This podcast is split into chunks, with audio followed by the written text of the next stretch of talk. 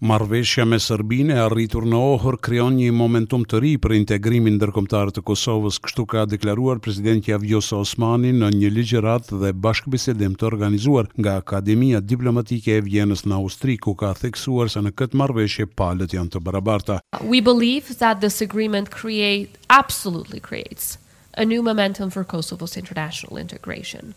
Um, if you look at it and you compare it to every other agreement that has been reached in the dialogue process in these 12 years, and there, there have been plenty of those as you uh, may have been following the process, this agreement is between two contracting parties, between two equal parties, two equal states. E para e shtetit tha se marrëveshja me Serbinë tani është ligjërisht e obligueshme për palët.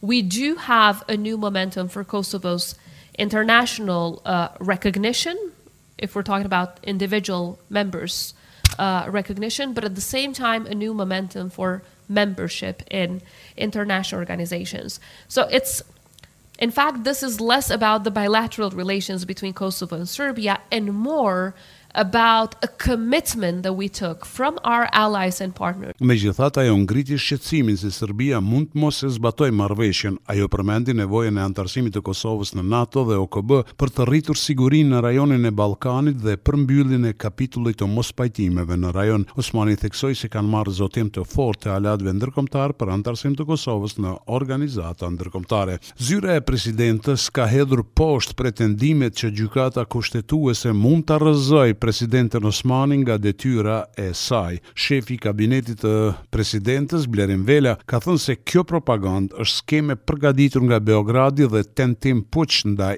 institucioneve. Lidhur me këto deklarime ka reaguar Asociacioni i Gazetarëve të Kosovës duke i cilësuar si sulme ndaj mediave. Vela ka sqaruar më pas duke thënë se reagimi i tij nuk ka të bëjë me mediat por me shpërndarësit e dezinformatave. Ndryshe, mediat këtyre ditëve në Kosovë kanë spekuluar për mundësinë që Gjykata Kushtetuese të sanksionojë disa veprime por edhe mosveprime të caktuara të Presidentes. Kryeministri Albin Kurti ka treguar se takimi i radhës në nivelin e dialogut Kosovë-Serbi do të zhvillohet më katër prill në Bruksel. Ai ka thënë se ky nuk do të jetë takim ndërmjet tij dhe presidentit të Serbisë, por takim në nivel të kryenegociatorëve. Kurti ka thënë se marrëveshja Kosovë-Serbi duhet të zbatohet në tërësi. Ekziston marrëveshja, ajo është shumë e qartë publike për të gjithë, marrëveshja duhet të zbatohet e tëra. Nuk ka mundësi që diçka të zbatohet e diçka të mos zbatohet. Ndërkaq tek fjala juaj që e përdorët urgjencë, është pikërisht tek fjalia e cila ka të bëjë me të pagjeturit, deklaratat politike të kujtdoqoftë,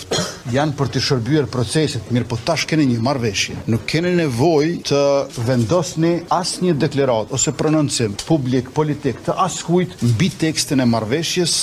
Ndërkaq kryenegociatori i BE-së Miroslav Lajçak ka qëndruar në Berlin në takime në zyrën e kancelarit Scholz, Ministrinë e Punëve të Jashtme dhe në Bundestag. Këto takime sipas Lajçakut ishin të ndërlidhura me procesin negociator. Përmes një postimi në Twitter, Lajçak ka njoftuar se do të vizitojë Londrën për dy ditë konsultimesh rreth dialogut Kosovë-Serbi. Bordi i Zyrës së Rregullatorit të Energjisë ka aprovuar planin për rritjen e tarifave të çmimit të rrymës për pesëmbëdhjetë për qind nga muaji prill. Ndaj kësaj rritjeje ka reaguar Lidhja Demokratike e Kosovës. Në një konferencë për media, deputeti Besian Mustafa ka theksuar se qeveria nuk ka investuar asnjë cent në krijimin e kapaciteteve të reja gjeneruese në sektorin e energjisë, Ai bëri thirrje qeverisë që të fillojë sa më shpejt të investojë në krijimin e kapaciteteve vendore të gjenerimit. Këto investime duhen përqendruar tek burimet e ripërtritshme të energjisë, si dhe tek termocentrali me gaz,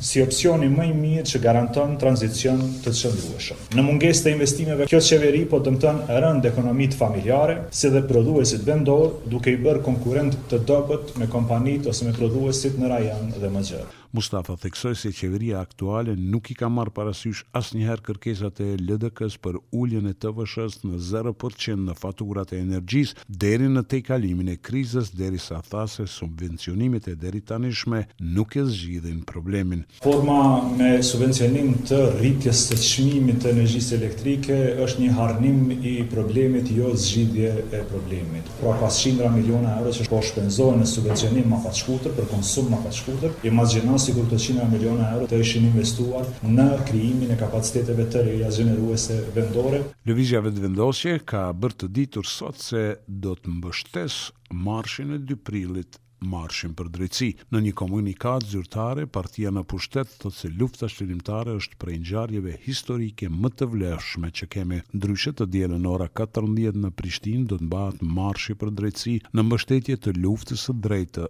UÇK-së, ndërsa që të hënën pas një kohe të gjatë në Hagë do të fillojë gjykimi i Hashim Thaçit, Kadri Veselit, Jakup Krasniqit dhe Rexhep Selimit për krimet e pretenduara nga prokuroria